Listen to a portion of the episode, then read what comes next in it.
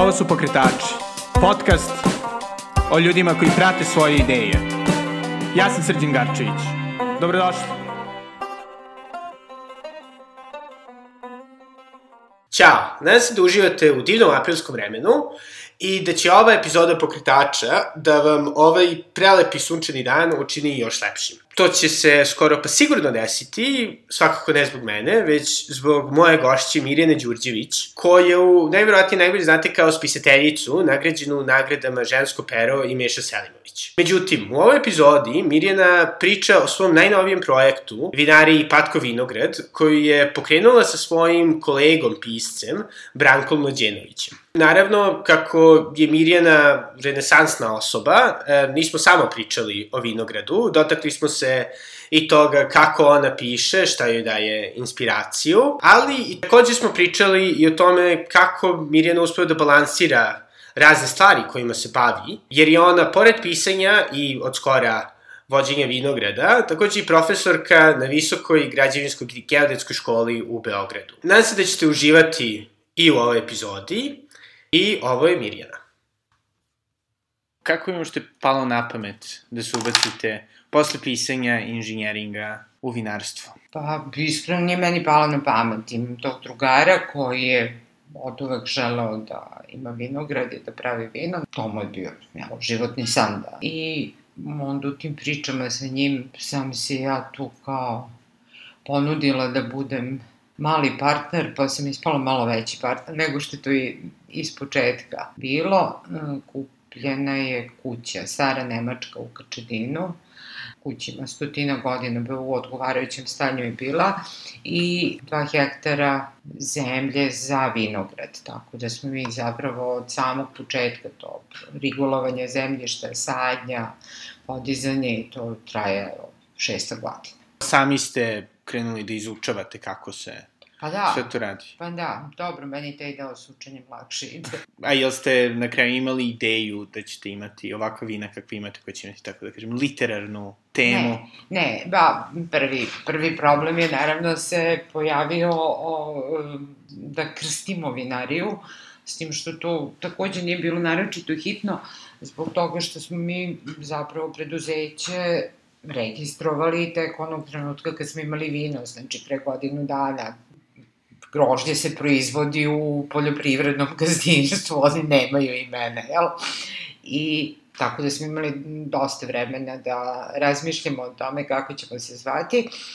E sad, zanimljivost je, pored Kačadina, negde u Peški, izvire potok Patka, koji se uliva u Dudav tamo negde kod Banovaca i naš vinograd se zapravo nalazi na padini prema tom potoku. Kada je tu bilo selo Patka pre 200-300 godina, naravno ništa toga nema, tu same njive. I onda smo se godinama zavidlavali kakva patka to treba da bude ta naša vinarija, a da ime ne zvuči vulgarno. Onda smo rešili da ga krstimo Patkov vinograd.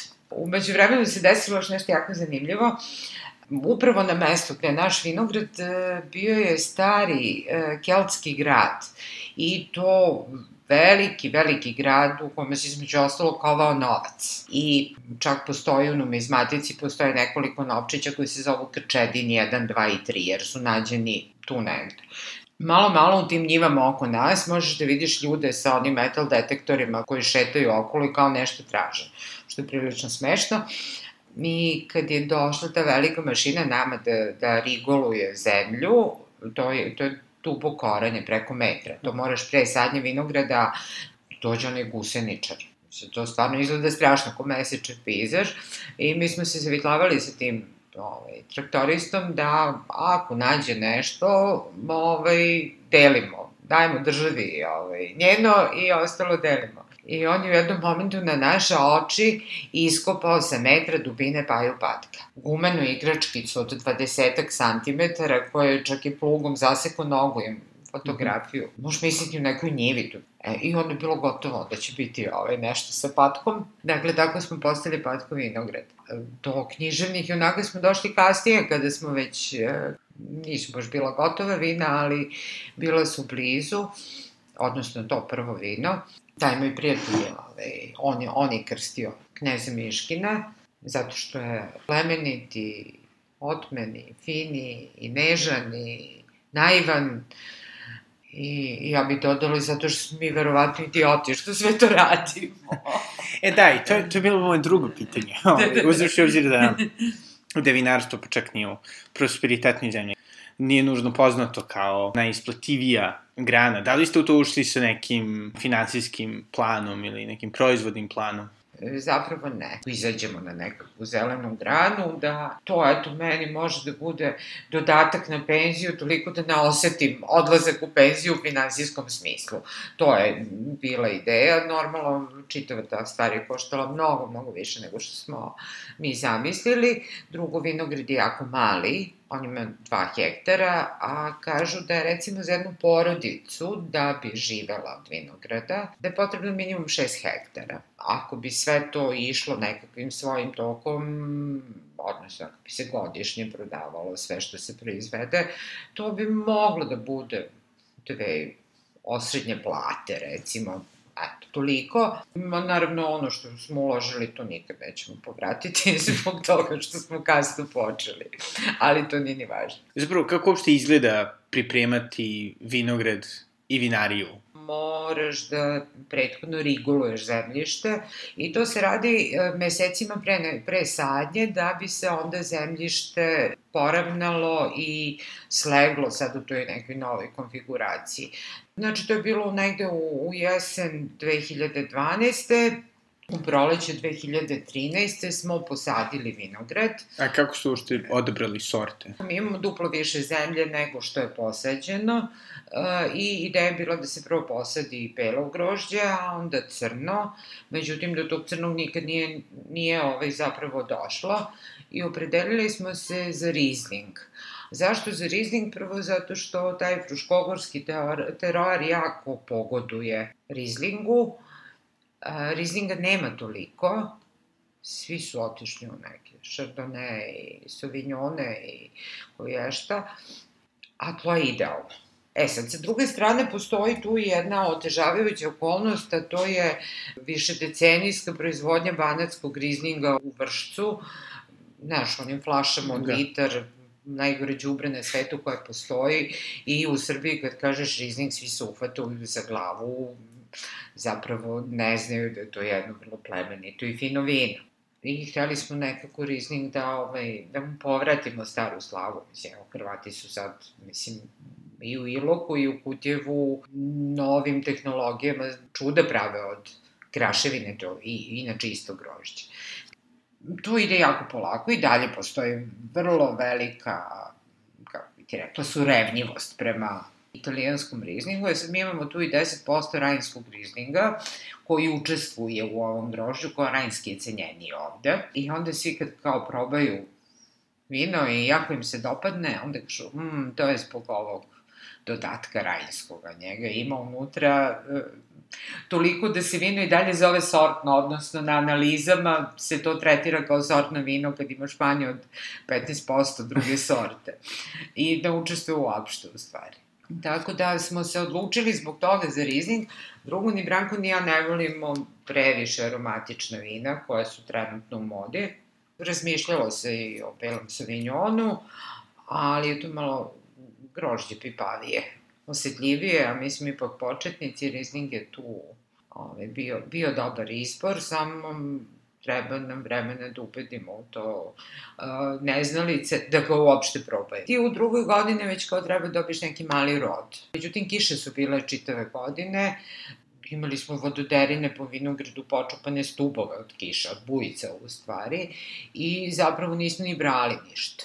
15. godine smo imali nekakav prvi rod i onda smo Branko i ja sami napravili vino, po knjigama. Nikad niko nije pravio vino, ove, nas dvoje, i napravili smo ga po kažem ti tako, školski, koliko uopšte takvu jednu stvar možeš da naučiš uh, iz knjige i bez iskustva. A, međutim, to vino je ispalo jako dobro, ne ovako dobro, ali e, za neko ko se, to je valjda početnička sreća bila. I onda smo do 16. u leto, kad nas je očekivao prvi veliki rod, shvatili da nama neophodan enolog, ne shvatili, nego je to prosto, mislim, čak kad se registruš po zakonu, moraš i da ga imaš.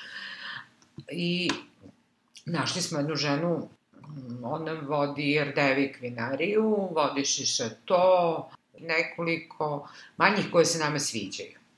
I sad kao, mi smo preporučio nas je naš zaštiter, ona je došla, tog trenutka ovaj, Balitova deca se svađaju u dvorištu, ali ono, kao, gađaju se kamenjem, otprilike imaju skoro preko 20 godina oboje. E, I Jamovićem skloni decu, ba, mislim, cirkus. Još se, još se radi tamo na uh, renoviranju štale koja je postala vinarija. Odvedemo u vinograd, on nađemo stane na nekom delu gde grožđe svo nikako žena nas gleda potpuno gde sam došla, ko, koji su ovi. Vraćamo se, sednemo, kaže ona, ja kažem, dobro ćete probati naše vino, a ona me pogleda i kaže, pa ne bih vozio. I rekao, pa da ga pomirišete. Što da pomiriše, lizne, proba jedan, drugi, treći put, pogleda mene, njega zapanjeno u svom onom kršu i kaže, vi ste ozbiljni, ja ću radim s vama. I počnemo da radimo sa Tanjom Đuričić, sad, pošto kažem ti, ona je zaposlena u RTV-ku, to je ogromna vinarija, njen rad je najpre konsultativan.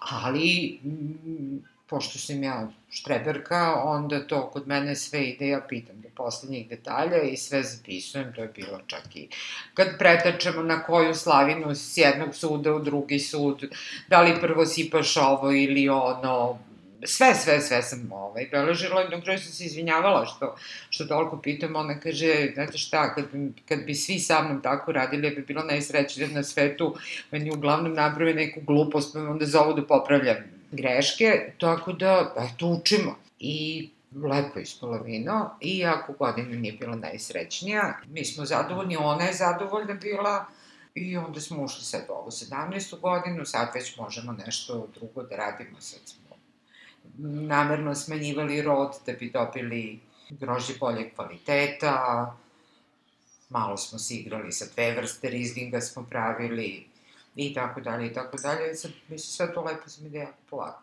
Da. A ovaj drugi deo, da kažem, komercijalni deo, e, stavljanje u flaše, razmišljanja o, e, da kažem, brendu i, i prodaj Kako to uopšte izgleda u pa tržištu kao što je Srbija? Pa nismo se za teško pitanje. Ni Branko, ni ja nikad nismo bavili nikakvom trgovinom. Ja cijelom života radim u državnoj službi. Kako mi je, tako mi je, ali da. ne, ne bavim se trgovinom. Tu se pojavio priličan problem, pre, prvo premali smo. E, niti mi imamo novca da ulažemo u marketing, e, svi da imamo to, opet ne bi bio trenutni povraćaj, to stvari koje traju, niti smo mi interesantni onoj e, posredniku između proizvođača i, i direktnog potrošača. Tim distributerima, da ne psujem sad ovaj, u mikrofon, ja ne znam da li je tako svuda u svetu, ali kod nas je sve to potpuno naopako. Dakle, tebi, ovo sad iskustvo iz razgovora sa brojnim distributerima, većina od njih neće uopšte da priča, ove, ovi od kojih sam nešto naučila su bili dobronamerni pa su mi ispričali. E, najbolje što smo čuli je bilo, e, dobro, možemo da uzmemo vaše vino, naša marža je 30%, a, ali samo da vam objasnim, mi ne brendiramo vino. Vino brendirate vi, a mi ga dostavljamo a, vi se dogovorite sa restoranom, potpišete kao sa njima neki ugovor ili ne znam nije šta, a mi im onda, oni naručuju od nas i mi im dostavljamo. I ja kažem, izvinite, ali sa 8000 boca, hajde mi da se menjamo.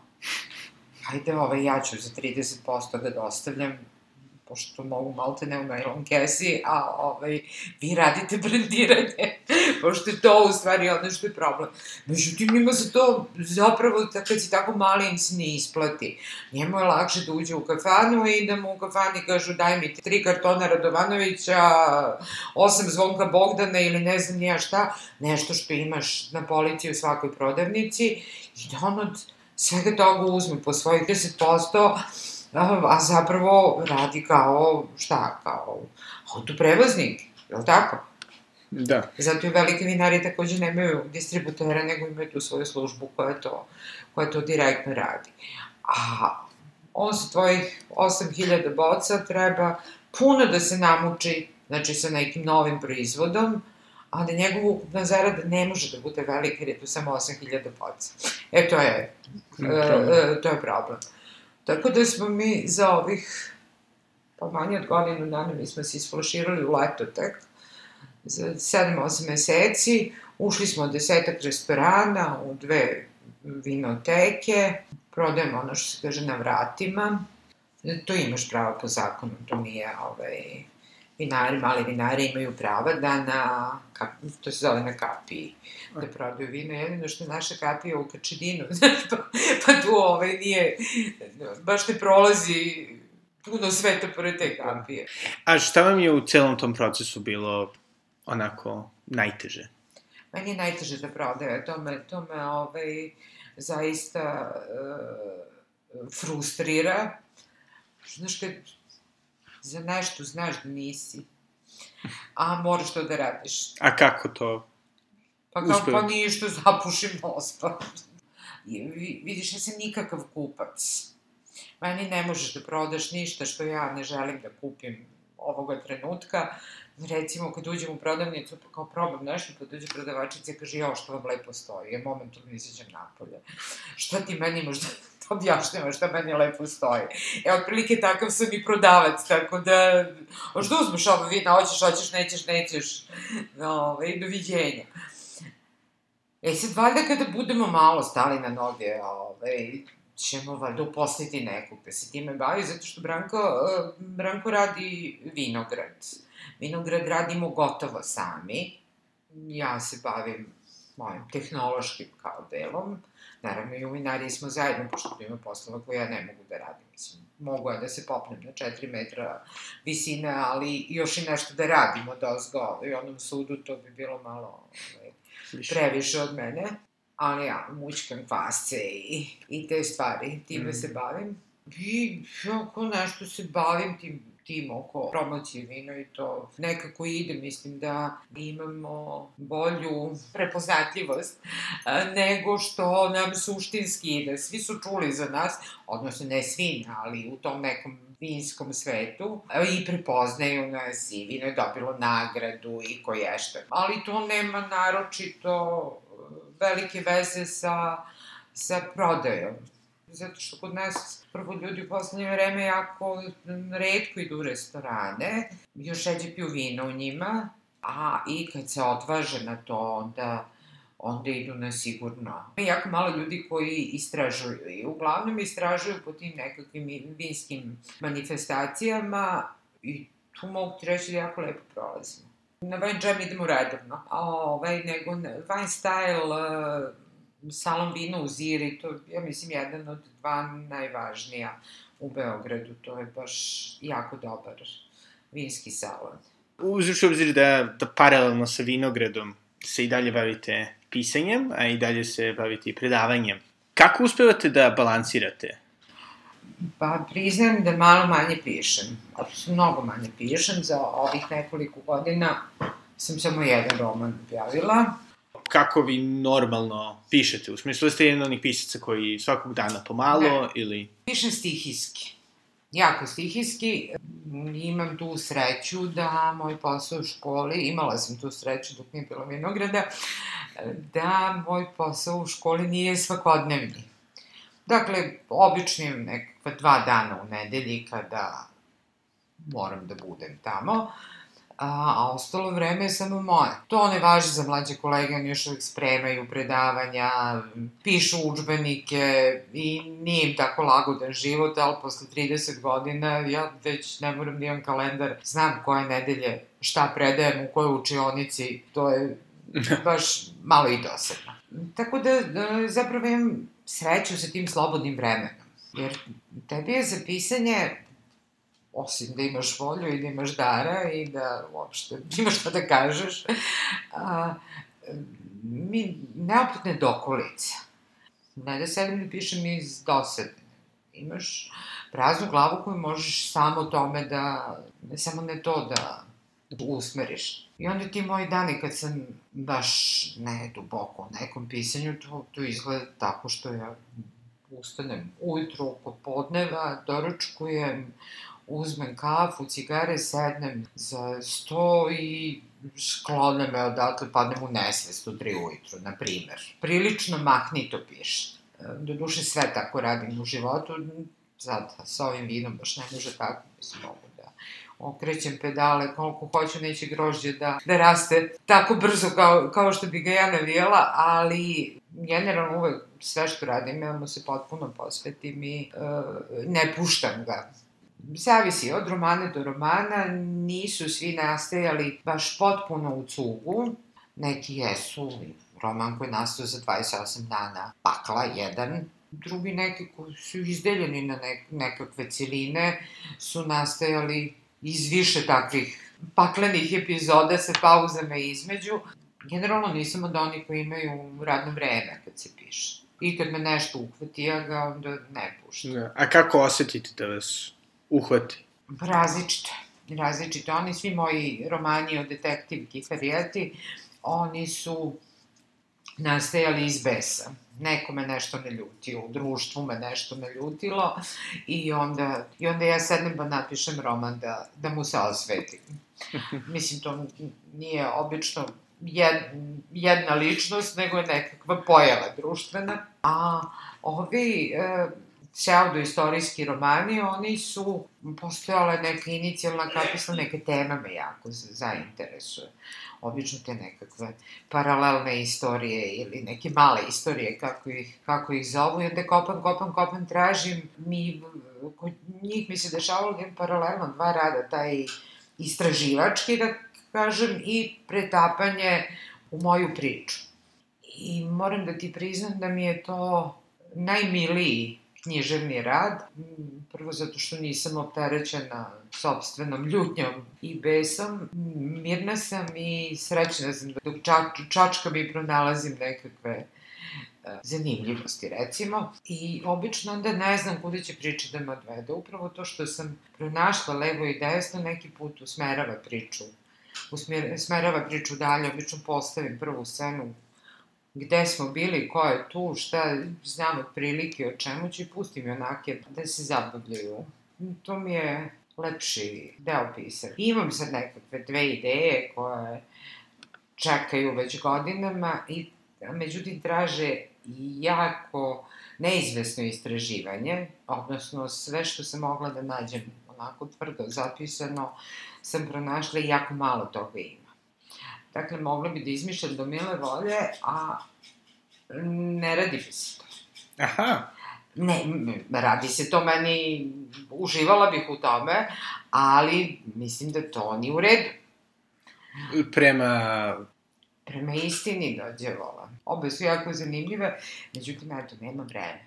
Uzuši obzir da je vaša prva knjiga, Čas anatomije, pretpostavljam više išla u one, onu sferu ljutnje. Mislim, da li ste osetili posle toga neku katarzu? A ba jesam. Evo, vidiš kako sam ljubiva i gadna, jesam. Tim mojim negativnim junacima, a nadimci iz moje knjige ostali su dovoljno. I šta vas je posle te prve knjige nateralo da nastavite? E, dopalo mi se da pišem.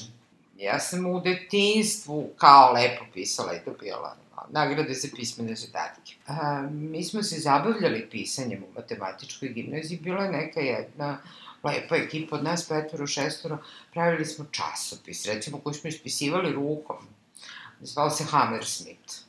Pisali smo tako neobične pismene zadatke. E, međutim, posle toga ja bukvalno ništa nisam pisala. Jedina činjenica za koju uvek znam da je meni mnogo lakše da se izražavam pismeno nego, nego usmeno. Prosto je to moj, moj način. I zapravo nisam ništa pisala do e-maila. I onda kad se pojavio e-mail, ja sam krenula da se dopisujem sa raznim prijateljima koji su po svetu. A, zapravo i ta moja prva knjiga tako nastala, kad je bila ta frka oko 5. oktobra i mog doktorata, onda sam ja raznim ljudima na dnevnoj bazi pisala izvešte šta se u toj krimi drami događa. I onda je moja kuma jedna rekla, bog te bre, ovaj krimi roman sad i napiši to. I zapravo mi je spasla život zato što umesto da davim ljude okolo, ja sam sela i to ispisala sve. I ispraznila se. I onda mi se to dopalo. I sledeća intriga je bila da li ja sad mogu da napišem izmišljenu priču. I tako nastao drugi mali roman koji je jako lepo primljen, jedan, drugi, treći. Jel mislite da je neko bilo lakše što ste počeli sa autobiografskom pričom i onda se posle prebacili u fikciju?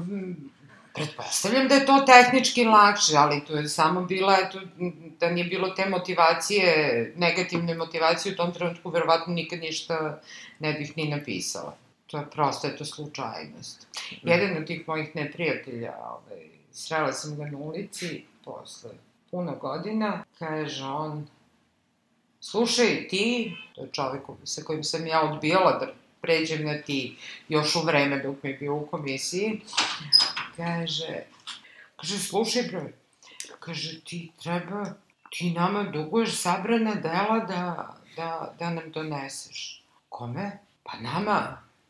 Da te mi nismo za, e? Ove, kaže, ti nikad ne bi postala pisac. Kaže sad ovi intervjui, a možeš misliti meni je ovolika slika u politici tog dana, što takvim ljudima nešto znači, jel? A je rekao, znate šta, ja gori bez razlog u životu nisam čula. Tako da, uh, istina je to ovaj, da verovatno ničega ne bi bilo da nije bilo tog cirkusa, ali ne, nisam im zahvalna na tome i dalje mislim. Ono što je što meni impresivno kod vas je ta voljnost da probate da radite različite stvari. Često me tako pitaju, odnosno zaključuju ljudi, kaže, ti si uspešna u svemu čega se dotakneš. Rekao, da, A znaš u čemu je tajna mog uspeha? Što se uopšte ne dotičem stvari ko nisam u stanju da uradim. E, I mislim da je to vrlo važno da čovek e, bude negde e, načisto sam sa sobom zašto jeste, a zašto nije. A dobro, neke stvari ne možete da znate ako ne probate. Pa recimo znam da ne mogu da pevam. Iako bih pevala dan i noć da znam da pevam. Kažem, prosto čovjek treba da da bude negde načisto šta su njegove zaista ono što može da savlada, zašto ima interesovanje, zašto nema. Imaš ti puno ljudi koji se zapravo hvataju za cilj, a ne za rat, onaj koji je između. To ja stalno pričam ovaj, kolegama piscima, da imaš dve vrste. Jedni ovaj, pišu da bi bili pisci, a drugi pišu da bi pisali.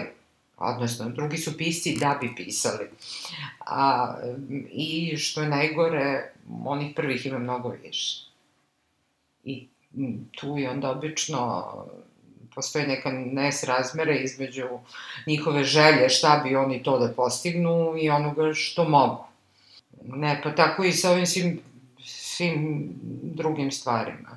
Šta bi bio vaš savet nekome ko želi da se okuša u pisanju i u, vinogradarstvu? A zajedno? Može i odvojeno, ili ako imaju... nema, nema, nemam za zajedno, ovaj, nemam, nemam primer. A za pisanje nema saveta, čovek najbolje sam oseti kada ima šta da napiše, da kaže i to onda jednostavno radi. Jedini savet koji imam u tom smislu, ako ti već pišeš, e, piši dalje, pokazuj to ljudima, nemoj pišeš za fioku, razlikuj dobronameran savet od, od zlonamernog, odnosno zlonamerne pohvale, pošto i toga ima, toga ima i sa vinom ti kad nekom ponudiš čašu vina, on će, nikad neće ti kaže ne, sviđa mi se. Ali to moraš da čitaš da čitaš između redova i da čitaš izraze lice, da li je to iskreno ili nije. Um, to, to, bi bio, to bi bio savet za, za pisanje. Ne mislim da su škole pisanja nešto korisno, to kažem zato što ih se sad puno pojavilo. To obično vode neki polupisci, a i da su, da nisu polupisci, tek, tek od njih ne bi bilo koristi, zato što te stvari ne, ne mogu se prenesu. Neka tehnika može da se nauči, ali to i dalje nema. Nema nikakve veze. Što se tiče vinarstva, Pa tu bi pre meni trebali saveti oko ove komercijale i brandiranja i, i, i svega toga. Hoće može da se javi sa nekim pametnim savetom. Ako imate višak novca sa kojim ne znate šta da radite i hoćete da ga sakrijete od poreznika, uh, a treba jako puno para, mislim da je vinarski posao izuzetno zahvalan za to, za takvo trošenje para. I ovo je bila Mirjana Đurđević. Nadam se da ste uživali u našem razgovoru. Ako jeste, molim vas, podelite ovaj podcast sa nekim za koga mislite da će biti zanimljiv, jer je to, nažalost, jedini način da ljudi čuju za ove lepe priče, a takođe i da učinimo da podcasti zažive u Srbiji. Hvala puno i do sledećeg slušanja. Doviđenja.